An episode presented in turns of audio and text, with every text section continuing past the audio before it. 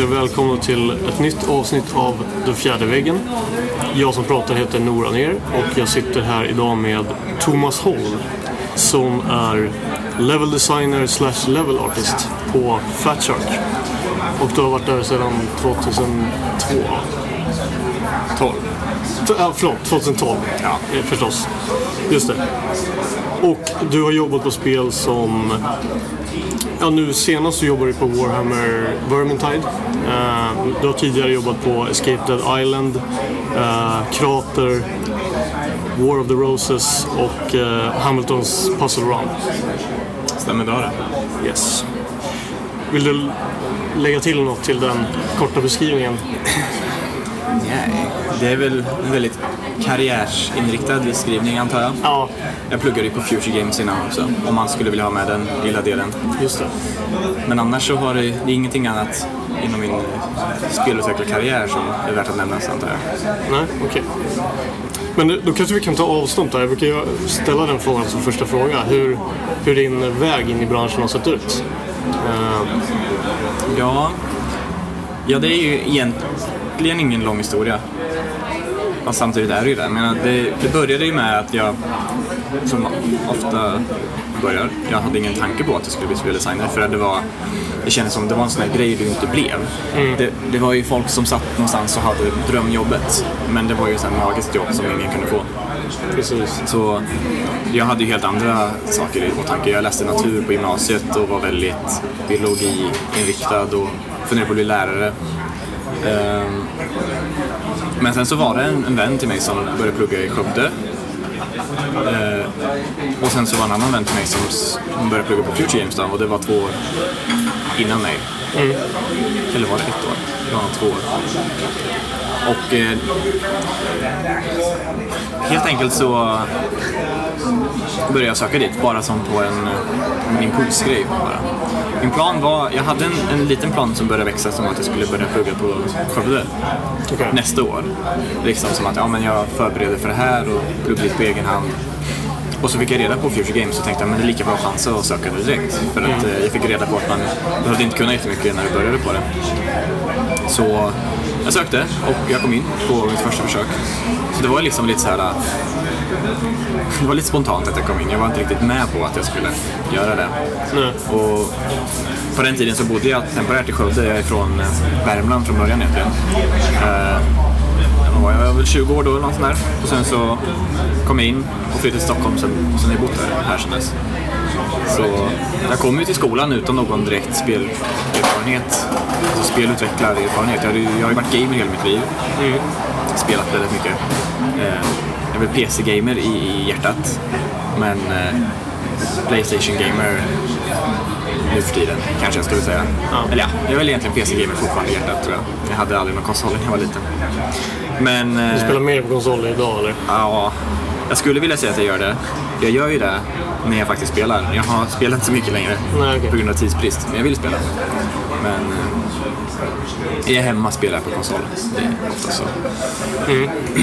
Men eh, så jag kom ju in på skolan utan att ha någon direkt erfarenhet innan av spelutveckling. Jag hade ju gjort banor i Starcraft, i level editorn där.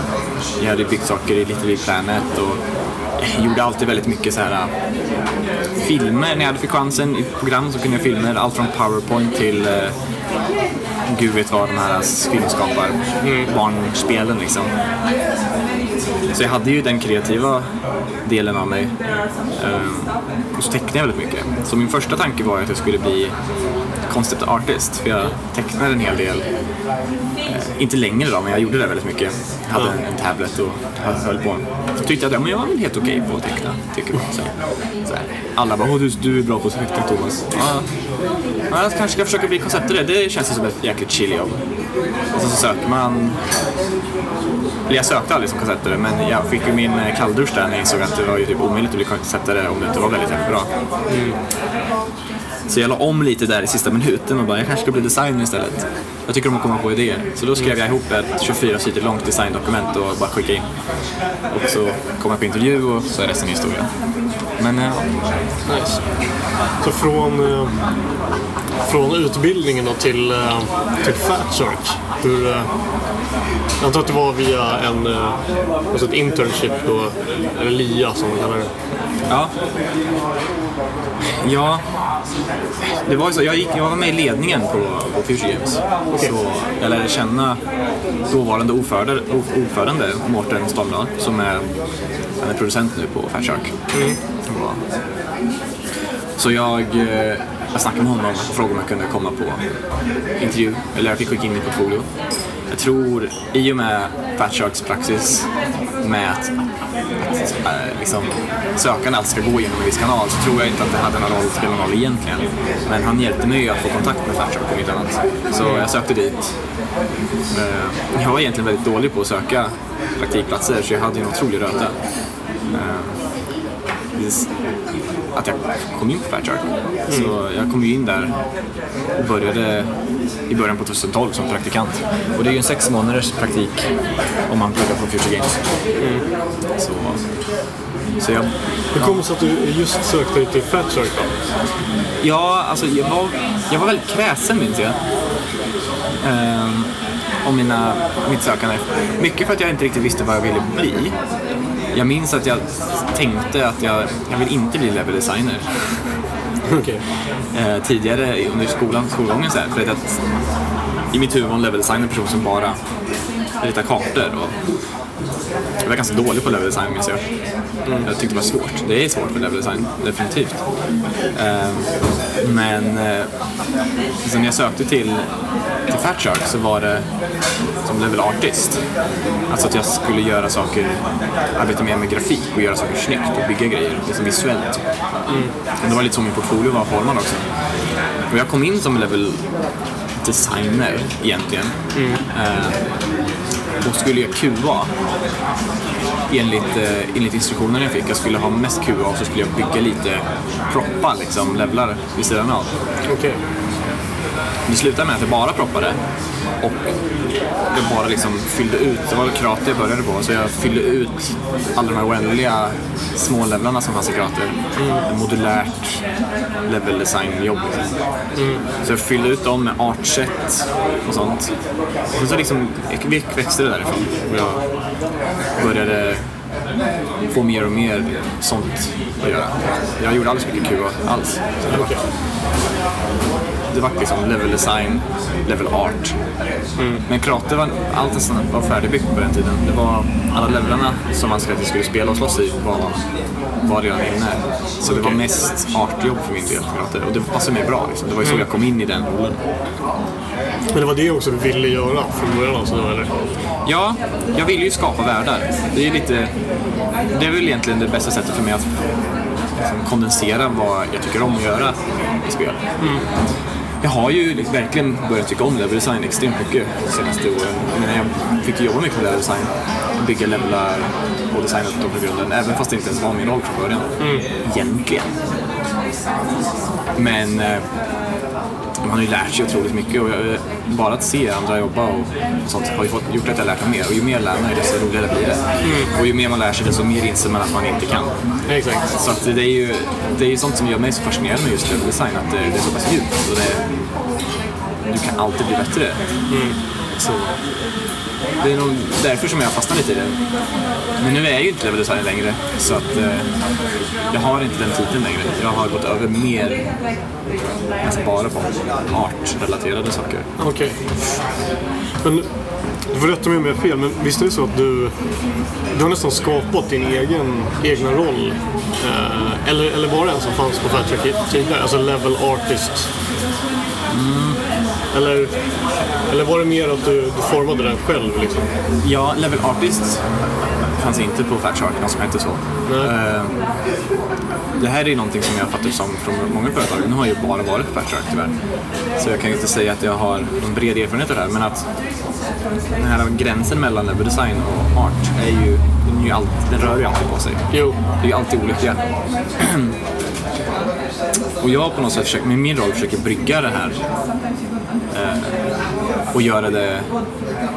Och, och liksom försöka kombinera arbetet på något sätt. Hjälpa till att knyta samman art och, och level design på ett bra sätt. Och få bygga visuella grejer ja, man kan ju säga att jag fokuserar på ljus och environment. Okej. Mm. väl det. Men jag bygger ju även alltså, detaljjobb och jag gör animationer och cutscene-grejer och Ah, okej. allt sånt där du kan tänka dig. Som är sånt som är level design-jobb. Det vill säga du gör saker i level editorn. Men det är inte designjobb som i att du, du liksom sitter med papper och penna och testar och itererar på game design, level design-element. Du whiteboxar inte så mycket då, eller? Nej, jag whiteboxar ingenting. Ah, okej. Eh, Jag kan whiteboxa när jag ska ge exempel på hur jag ha saker. Men jag tycker inte om whitebox så mycket. Alltså, att göra något själv. Jag tycker om på whitebox, men... Men samtidigt, alltså, vissa level designers vill ju göra mer direkt art. Att, de, att de bygger saker med, med props direkt. Eller att de gör props och sen själva vill bygga. Det är ju fine. Jag menar, för mig är det ju, det lättar ju lite på min börda att få halvproppade saker. Men samtidigt kan det ju vara ett problem också. Eh, om deras idéer konfliktar med, med mina idéer. Just det. För då, då kan det bli så att det bara blir någon himla mittemellan-soppa av allting. Så, så det, är, det är en intressant balans. Man lär sig ju hela tiden hur man ska arbeta med det. Men jag tror att eh, vi har ökat liksom. Jag tror att det går, går snabbare så här än att, än att eh, Art, de som prop, alltså gör environment props, det vill säga 3D-grafikerna, att de själva skulle gå in och bygga.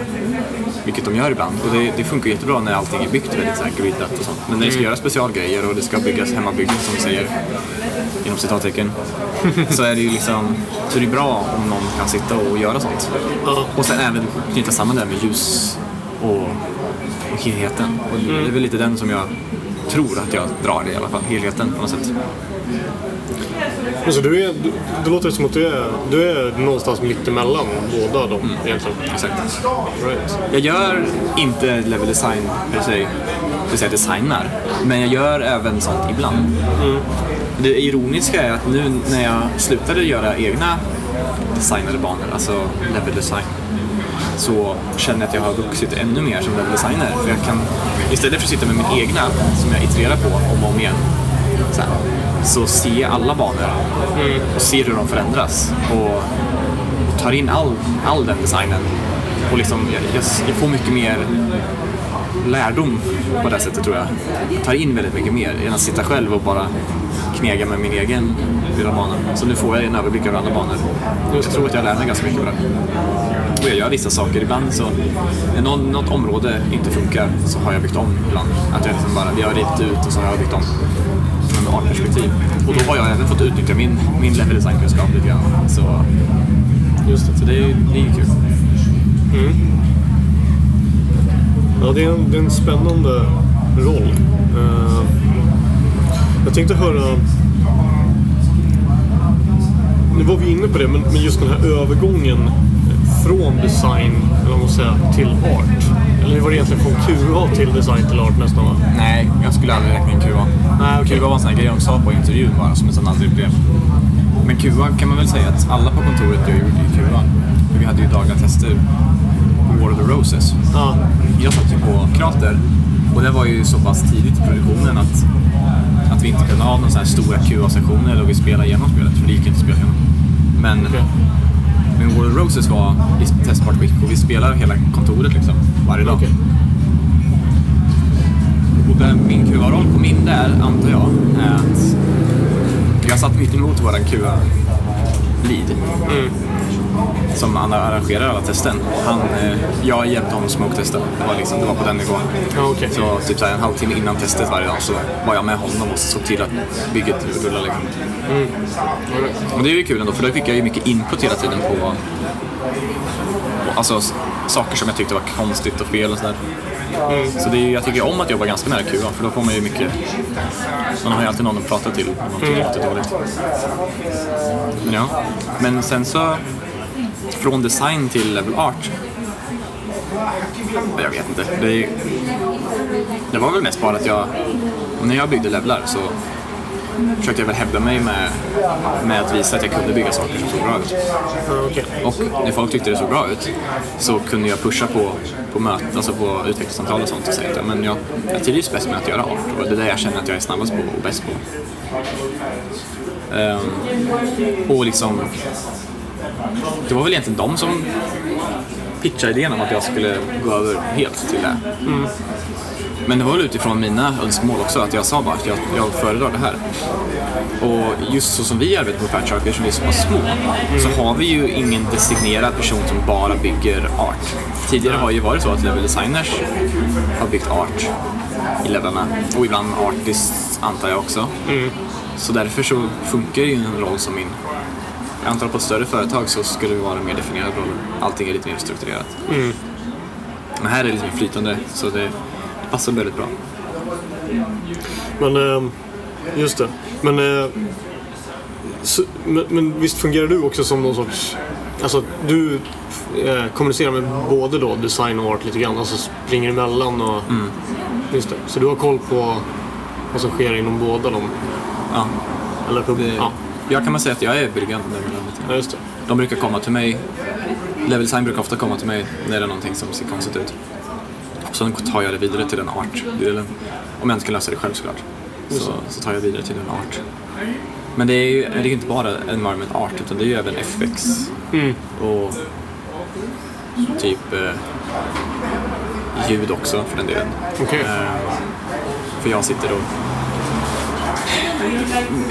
Det är väldigt svårt att förklara alla rollerna men det är väldigt mycket små grejer som jag sitter med och som knutna till mitt, min del av, av allting. Till exempel att jag har suttit mycket med specialevent, eh, animerar och sätter upp sådana saker. Tänk dig liksom att du, ska, du är i en tunnel och så ska det rasa igen eller någonting. Då är det jag som fixar att det ska rasa igen. Okay. Inte alltid, men ibland så gör jag det. Och då så ser jag till att jag animerar stenarna. Alternativt går jag och pingar rätt artist och bara, vi behöver simulera de här stenarna. Och sen så får jag in det och så, så ser jag till att eh, inte alltid att jag ser till att logiken funkar, men åtminstone att det rullar. Och så ser jag till att kommunicera det med ljud, att de får in ljud i den där. Jag lägger in effekter, triggar effekter, lägger på skak, vad det nu är, fixar rätt ljus. Sådana saker. Sådana, sådana, sånt där småpill som inte är något speciellt. Förstår du vad jag menar? Utan som är, det är mycket sånt som faller inom, min, inom mina roller. Men det är ändå knutet till din, den delen du sitter och jobbar på så att säga? Ja, jag gör så himla mycket annat också, men jag menar det passar ju väldigt bra till en sån som sitter med level art. Som, inte, som inte ska bygga i 3D-programmodeller Nej. och en som inte ska iterera på design. För att säga att en level designer har ansvar över en bana och hans jobb är att det ska bli kul att spela den och det ska vara balanserat och jämn pacing och allt det där. Det är bra att han inte behöver ta upp fokus och sitta med med sådana här event i onödan. Nu blir det ju så ibland tyvärr, för jag menar tidsbrist och gud vet vad. Men jag menar, det är ju, jag tycker att det är ganska smart. Liksom, att, att de inte belastas med sånt här. Dessutom är det här lite, man kan ju säga att det är lite konceptuellt arbetande också, för att man vet ju inte ifall det kommer funka eller inte alla gånger. Nej. Så där, vi vill göra den här, kan vi göra den här? Mm. Och, så det är mycket upp till mig också att kunna komma på om det går att göra. Annars måste jag gå och hitta någon som kan hjälpa mig. Just det.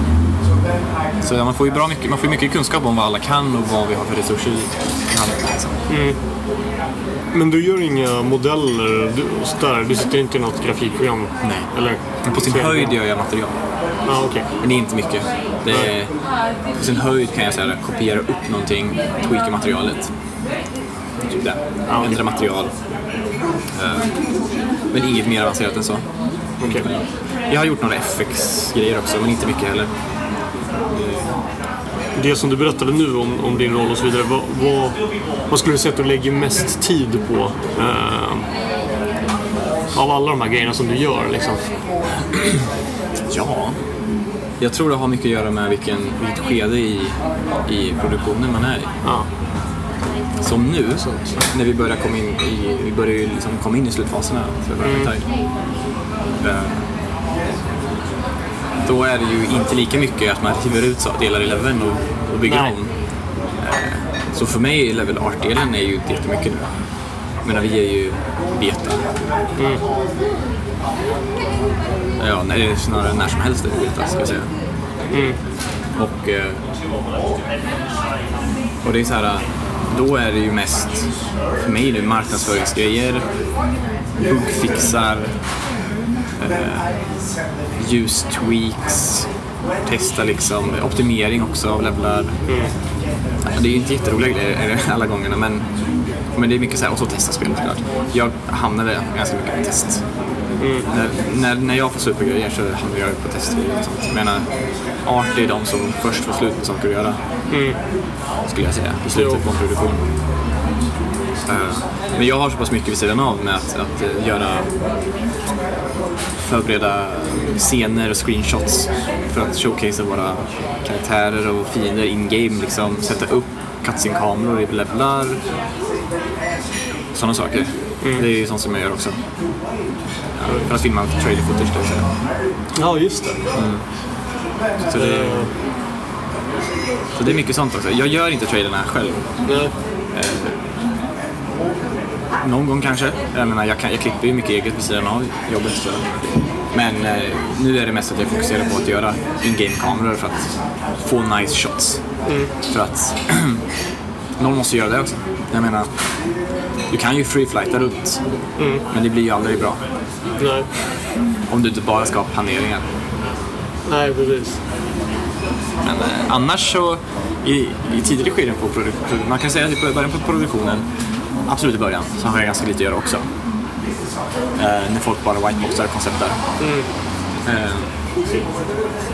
då är det inte jättemycket, men så fort, då sitter jag troligtvis på annat, men så fort man får in eh, artset så kommer jag börja bygga.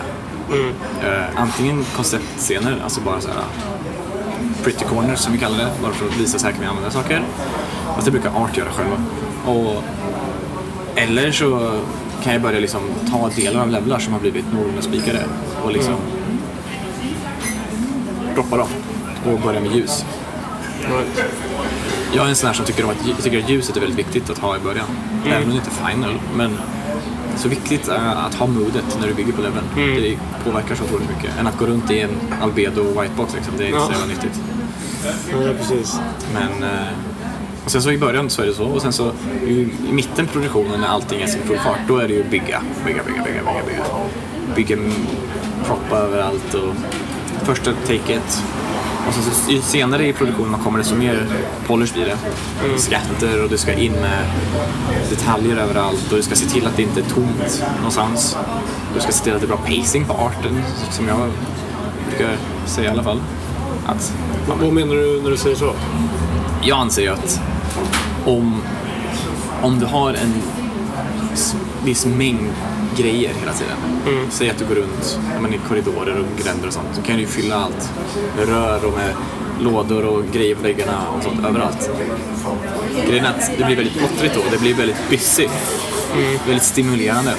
Eh, problemet är då att om allting ser ut så hela vägen så kommer du sprungit igenom leveln och så känna att du sprang över en stor grå massa med grejer svårt att sätta fingret på vad du egentligen var- såg för någonting. Därför tror jag att det är väldigt bra, att, väldigt viktigt att hålla en, en pacing. Så att vissa sektioner är lite mindre lite mindre fancy och lite mindre proppare och lite mer sådär. Det är ju inget onaturligt med att saker inte är klottrade. Nej.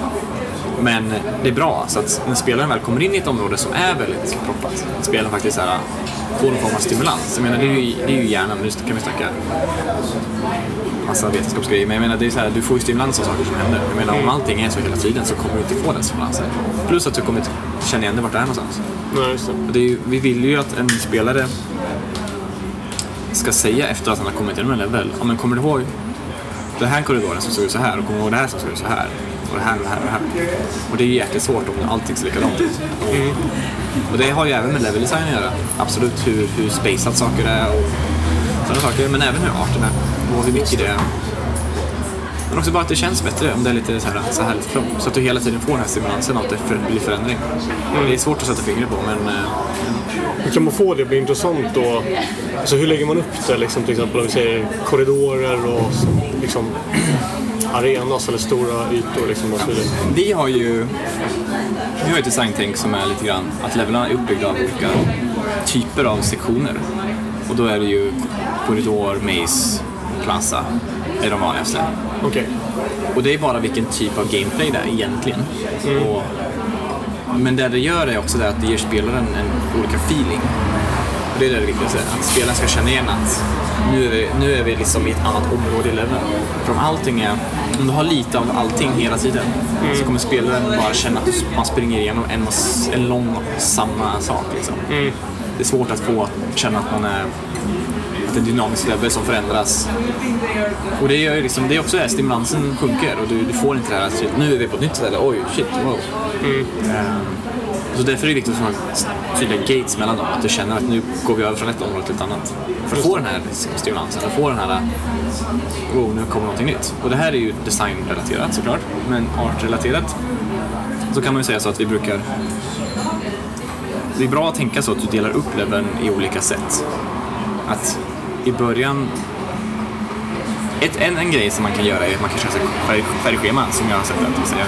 Jag har inte gjort det själv på något i Birmingham men du tar liksom screenshots på varje del i leveln och så lägger du dem på rad. Så här. Och så, så minskar du ner dem till några pixlar bara så att de är små. Och så kan du se så här, hur färgen förändras över levelns gång. Då kan du säga ja det är för, för likgiltigt överallt. Eh, Just Vermintide är lite svårt för det är så himla mörkt och dystert och det är Warhammer och allt är ondra och död. Så det kommer bli mörkt och dystert. Men det är ju ett sätt man kan göra på för att in färgerna. Och så kan du även kolla på i början att vad är det som särskiljer det här området? Man vill ha tänkt att spelaren ska kunna peka på ett område i leveln de precis spelade och säga Kommer ni ihåg området med eh, träsket? Eller kommer ni ihåg området med eh, det här höga tornet vi sprang upp i? Eh, kommer ni ihåg den långa, långa korridoren som var helt, så helt fylld med spindelnät? Eller sådana saker. Eh, för säg att du har det. Säg att du har spindelnät och du har rötter och du har eh, dödskallar. Vad kan du göra med det här? Ja, du kan kombinera dem för att göra en, en visuellt eh, tilltalande liksom, scen. Med lite spindelnät och lite rötter och lite dödskallar och vad det nu är. och någonting. Och så kan du ha det genom hela leveln. Och så kommer spelarna säga, ja men det var nice. Men i deras huvud kommer det bara vara en lång, en lång grej bara. Men då kan du ta så här, så kan du ett område och bara panga in massor med spindelnät. Och inget annat. Eller ja, klart annat också, men mest spindelnät. Och då kommer de vara såhär, ja men shit, det var stället med spindelnät. Liksom. Och så kommer nästa område och säger, ja men shit, det där är stället med massa rötter. Alltså, fett coolt. Och då har du paceat det liksom bättre. Istället för att bara ha en och samma, alltså en platt pacing. Och det där gäller att spelaren kommer in i pacingen och det är ju också ett fel man kan göra väldigt ofta, att man har för korta sektioner. Att du har bara ett rum liksom. Då hinner spelaren inte komma in i det riktigt. Men just med arten så kan du ju ha en sån här one shot såhär, bam. Då kommer spelaren komma ihåg det där rummet. Men om du har en sektion i spel, i, i leveln, så vill du ha en mer utsägrad, utpräglad artstyle på, på den sektionen. Och den ska väl vara något par minuter i alla fall. Ja, då kan det vara så att du börjar typ att du springer runt i en skog. Och då har du skog, så det är fine. Och sen så kan du komma in och vidare och då är du under marken. Det är en annan del. Eller så kommer du in i en död skog kanske. Eller i en träsk, träskmarker som är visuellt väldigt annorlunda. Och på det här sättet liksom sektionera upp leveln och se till att du får den här förändringen. Eh, Och det här är ju ett lager som hamnar under lagret med art pacing som jag säger, det här med att hur mycket du artar och hur plottrigt det är. Eh, Och det här med att arta liksom så här, olika mycket beroende på pacingen är ju en grej som handlar om såklart vilket artsätt du har. Jo. Är det så att du är en skog kommer du behöva ha träd och rötter, alltid. Men om du går i en korridor kanske du inte behöver ha bokhyllor och böcker och papper på golvet och trasiga, alltså sånt precis överallt. Nej. Du måste inte ha det överallt, utan du kan ha det här och var. Liksom. Så det där är så här... Man kan rita kurvor på det för att få en överblick. Det är inte helt fel. Eh, Gör ni det på Fatshark? nej, Någonting, eller? jag har inte... Jag kan inte säga att jag har gjort det så mycket nu. För att det här är sånt här som jag liksom lärt mig och utarbetat fram över produktionens gång. Så det är sånt jag kommer att applicera mer ordentligt nästa gång. Okej. Men jag tror att du behöver kanske inte ha kurvor om du, kan, om du har det här i och du känner liksom, hur det är uppbyggt. Du känner att du kommer hit så är det dags att ha lite mer art. Liksom. Det är ju det är klart du kan göra allting här uppe om du känner för det.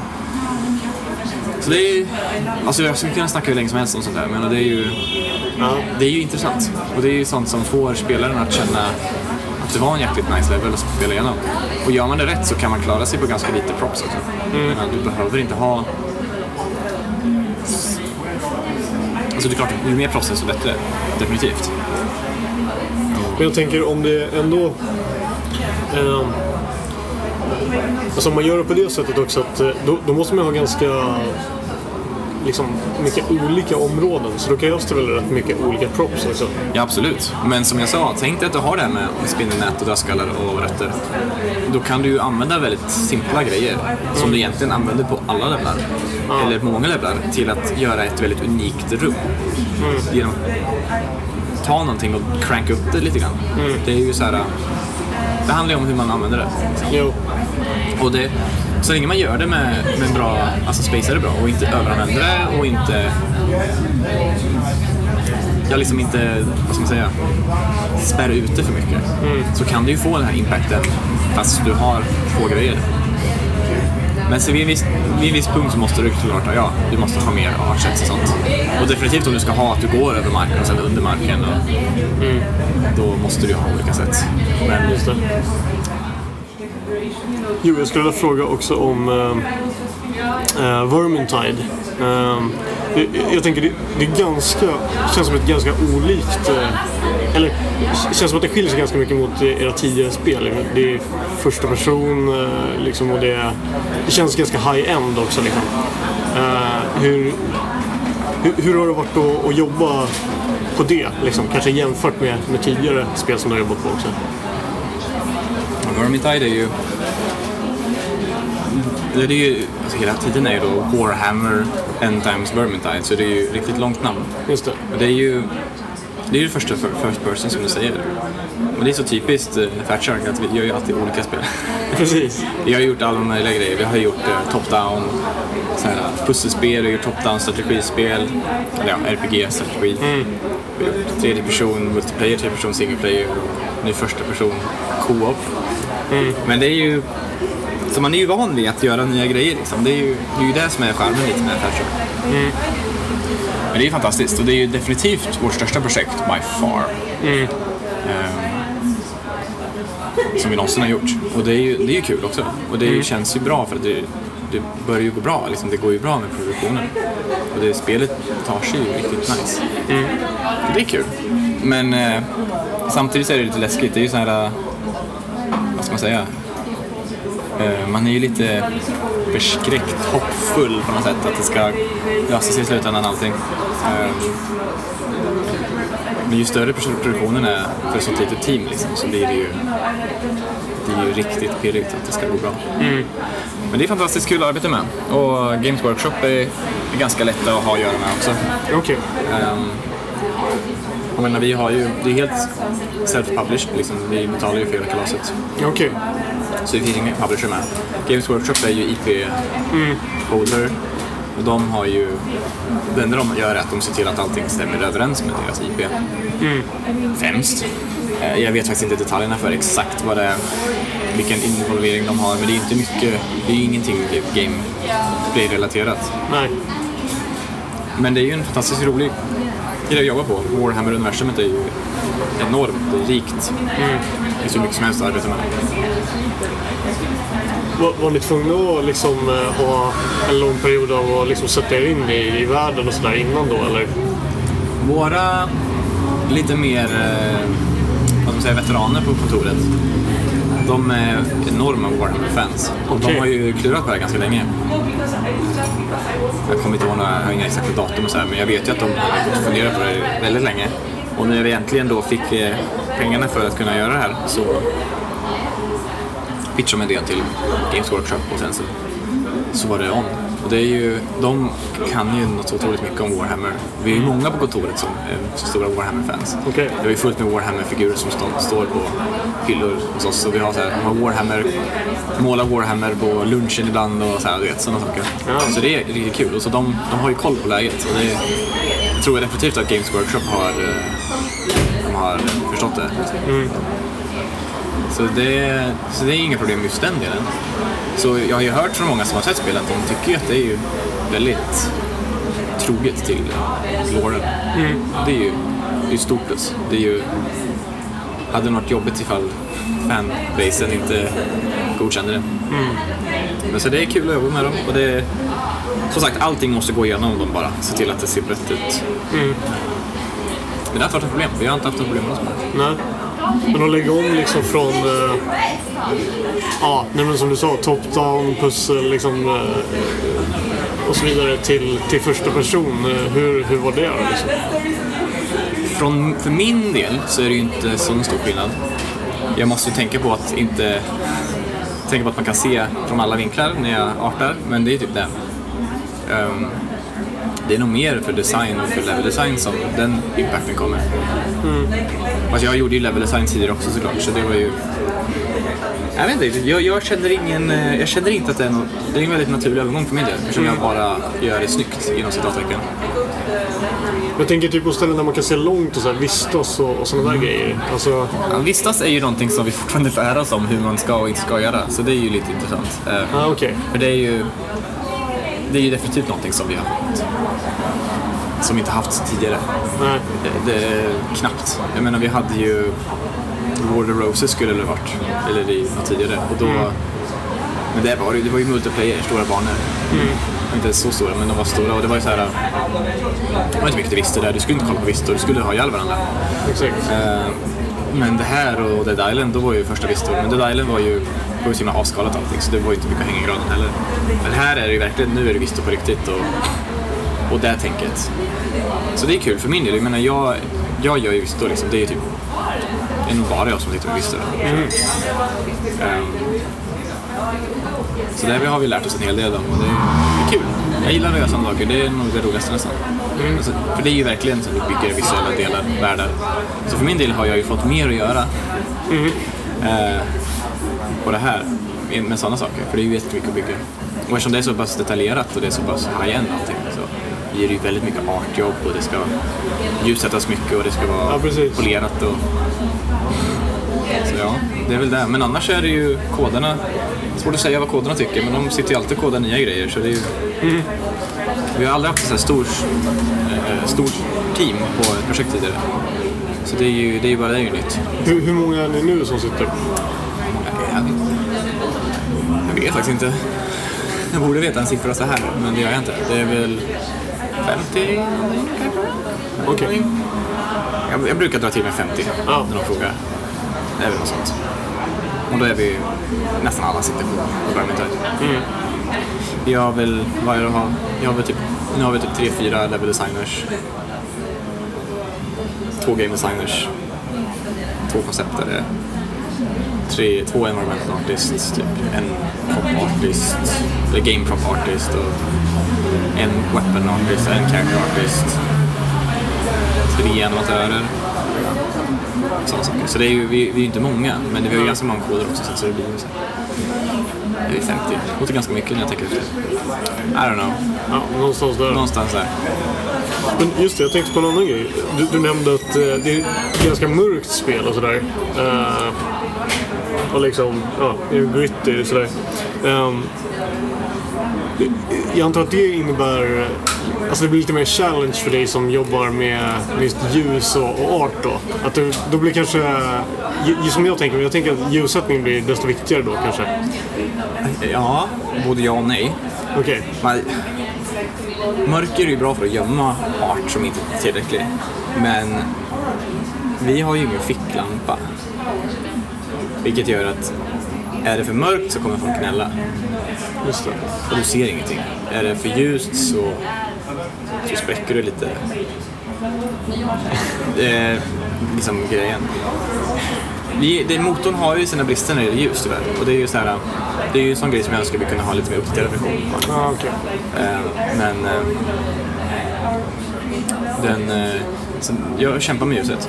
Det, är- det är svårt. Mörker är, det går mycket tid till att balansera efter olika skärmar. Och, vi, har ju, just vi har ju definitivt en gammal slider så här, kan ställa in. Men det är fortfarande här att nej, det, det får inte vara för mörkt i hörn. Det måste ju vara en balans. Liksom. Skuggorna ska vara så här ljusa. Men det är också en, det är bara en fråga om liksom, att känna efter vad som känns bra. Det är ju jättesvårt och det, det kommer in ändringar i, i ljuseditorn så att helt plötsligt så blir allting lite mörkare. Och då måste man gå igenom och kolla att det ser bra ut och sånt. Så det är, det är verkligen en utmaning. Och det är, det är en utmaning att få saker att kännas mörkt utan att vara mörkt. Just det. Alltså det är ju mörkt, men du måste ju kunna se ordentligt. Och det, att få det att kännas riktigt mörkt och riktigt så här, vet, dunkelt och läskigt. Men ändå låta spelaren kunna se ordentligt i alla lägen. Eller de flesta lägena. Det är en fantastiskt stor utmaning. Och det, det är ju verkligen någonting jag känner att jag har utvecklats av och lärt mig mycket och sånt. Men det är fortfarande ohyggligt svårt. Är det. Men det är ju inte nog med att du ska kunna se mörkret, det ska ju se bra ut också. Jo, precis. Eh, Du kan ju lätt göra att det, att det är ljusare och det är, lätt, det är lätt att se vad som händer. Men då ser det ju crap ut i vissa vinklar.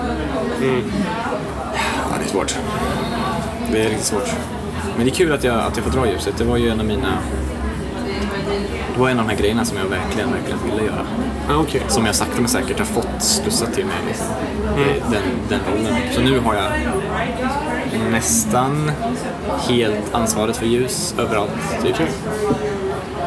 Vilket är, det är fantastiskt. Det känns jättehäftigt faktiskt. Eh, Lite skräckblandad förtjusning. För det är en ganska viktig grej. Alltså. Så hela grejen med optimering och gud. Det är, jag slåss ju hela tiden kampen mot det här med att det ska se bra ut kontra de som vill att det ska bli optimerat. Ja, just det.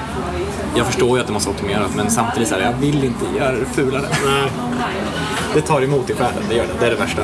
Att göra någonting sämre än vad det är. just det.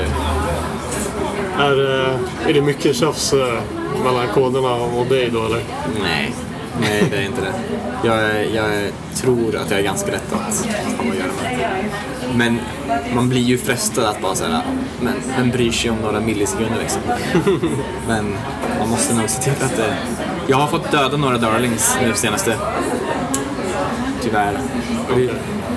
Jag menar, det, det är såna, problemet är att man blir extra bitter för det är såna här grejer som jag vet jag skulle kunna fixa att om jag bara haft lite hjälp från kod och kunnat haft någon mer features här, men kan inte det så jag måste ta bort det. Jag måste, göra det. och det är ingenting spelarna kommer märka. Spelarna kommer inte ha en aning om att det såg lite bättre ut där. Nej. Jag gör det, det är jättejobbigt. Ja, precis. En, en sak som, eh, som jag vet att du, har pratat om förut också. eh, är ju det här med hur, hur art kan hjälpa, eller hur, hur level art så att säga kan lyfta level design. Uh, har du lust att prata lite om det? Berätta lite hur du ser på det. Ja, det där är ju... Det finns mycket så här man kan ta straight from the book. Liksom. Men de vanligaste, när du säger det där, så det vanligaste jag tänker på är ju hur kan hjälpa till att leda spelaren med level art. Främst ljus, det är ju klassiker. Jag menar det är så här att vi vill att spelaren ska gå dit, sätta en lampa på den dörren. Plock, Så, nu kommer spelaren gå dit. Punkt. Eh, historien är inte, slut där såklart, men det är det absolut enklaste exemplet på hur art kan hjälpa. Jo, Men det där är ju definitivt, det är ju den absolut lägsta nivån av, av art hjälper level design. Men om du ska ta det lite längre, det är ju väldigt icke-subtilt. Du kan ju ta en stor röd pil på marken också. Liksom. Det, det är också så här, det funkar jättebra. Tro mig. Eh, men eh, det du kan göra är att du kan ju bara sänka, liksom, du kan dimma ner ett område lite grann jämfört med något annat. Ögonen dras alltid mot ljusa. Eller mot kolsvart. Tror jag skulle jag säga. Alltså, Har du något som är riktigt kolsvart så, så går det i kontrast mot det ljusa. Så, så kan du säga ja men det där ser suspekt ut. Liksom. Men ljus är generellt det man säger att ögonen dras ljus. Ögonen dras i rörelse. Saker som rör på sig drar ögonen. Det du kan göra är att du behöver inte visa spelaren vart de ska gå. Du kan bara ge dem en nudge. Typ att du kommer in i ett stort rum och så kan du ha typ att du, du klär en del av rummet lite annorlunda. Så spelaren drar blicken ditåt och kanske ser liksom en som finns bakom där. Eller bara att du, du kan hjälpa spelarna att hur du ska kunna ta dig upp via plattformar och sånt genom att du kan arta någonting genom att visa att här ska du inte gå för här ligger det döda kroppar. Så här, här ser det ut som att här ser det inte bra ut att gå. Här ser det ut. Så det är bara en sån här grej som att här är det mer detalj. Här, här borde du gå. Och det kommer ju så här verkligen pacingen in. För att då kan du ju ha så att det är lite lugna, alltså pacing på art. Du kan verkligen ha att det är lite lugn art så här. Det är lugn art. Det är dumt uttryck, men jag menar alltså det är inte så mycket. Och så kommer du in så här och så ser, får- ser du så här, du kan gå lite till höger, här finns det någon hemlig grej kanske, en liten sidobana. Väldigt oartad, väldigt grått. Mörkt kanske, vem vet. Om det inte kan vara mörkt så spelar det ingen roll. Men det är så här, du ser att det är inte så mycket art här. åt andra hållet så är det jättefint. Liksom. Fint art. Då kommer spelaren bara så här. Det här ser ut som en sidogrej.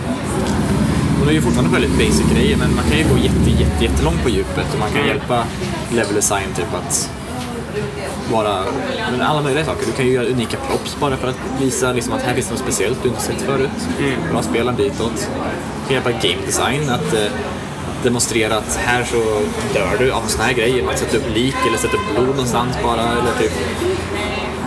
Det finns så mycket som helst som listan är väldig. Man får vara lite finurlig. Liksom, och, sånt. och du kan ju även använda art för att berätta story också. Liksom.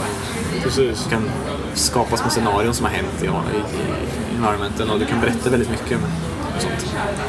Ja, Just det, alltså berätta historier via, via miljön och sådär. Mm. Är det någonting som du, som du jobbar med? Någonting? Det där är ju definitivt. Det, men jag ska vara helt ärlig så är det sånt jag inte riktigt sätter mig ner och tar mig tid att göra. Nej. Eh, eller snarare har tid att göra med kanske. Eh, däremot gör level design ganska mycket sånt. Jag. Men det är sånt som jag borde göra också. Alltså det är ju, ofta så faller det lite under min prio-lista. Liksom det är så här att det här området är bara whitebox, så jag kanske borde bygga det istället för att sitta och så här, posera lik och sätta ut blod, skrift på väggen. Liksom. Är klart sånt är jätteviktigt också, men de är ju helt... Vid det här stadiet det är så här poleringsstadie och, och sånt. Så visst gör jag sådana saker också, men inte så mycket som jag skulle vilja göra kanske. Det skulle vara riktigt kul att sitta med om sånt. Däremot är det svårare än du tror att komma på sådana grejer. då. Det kan vara...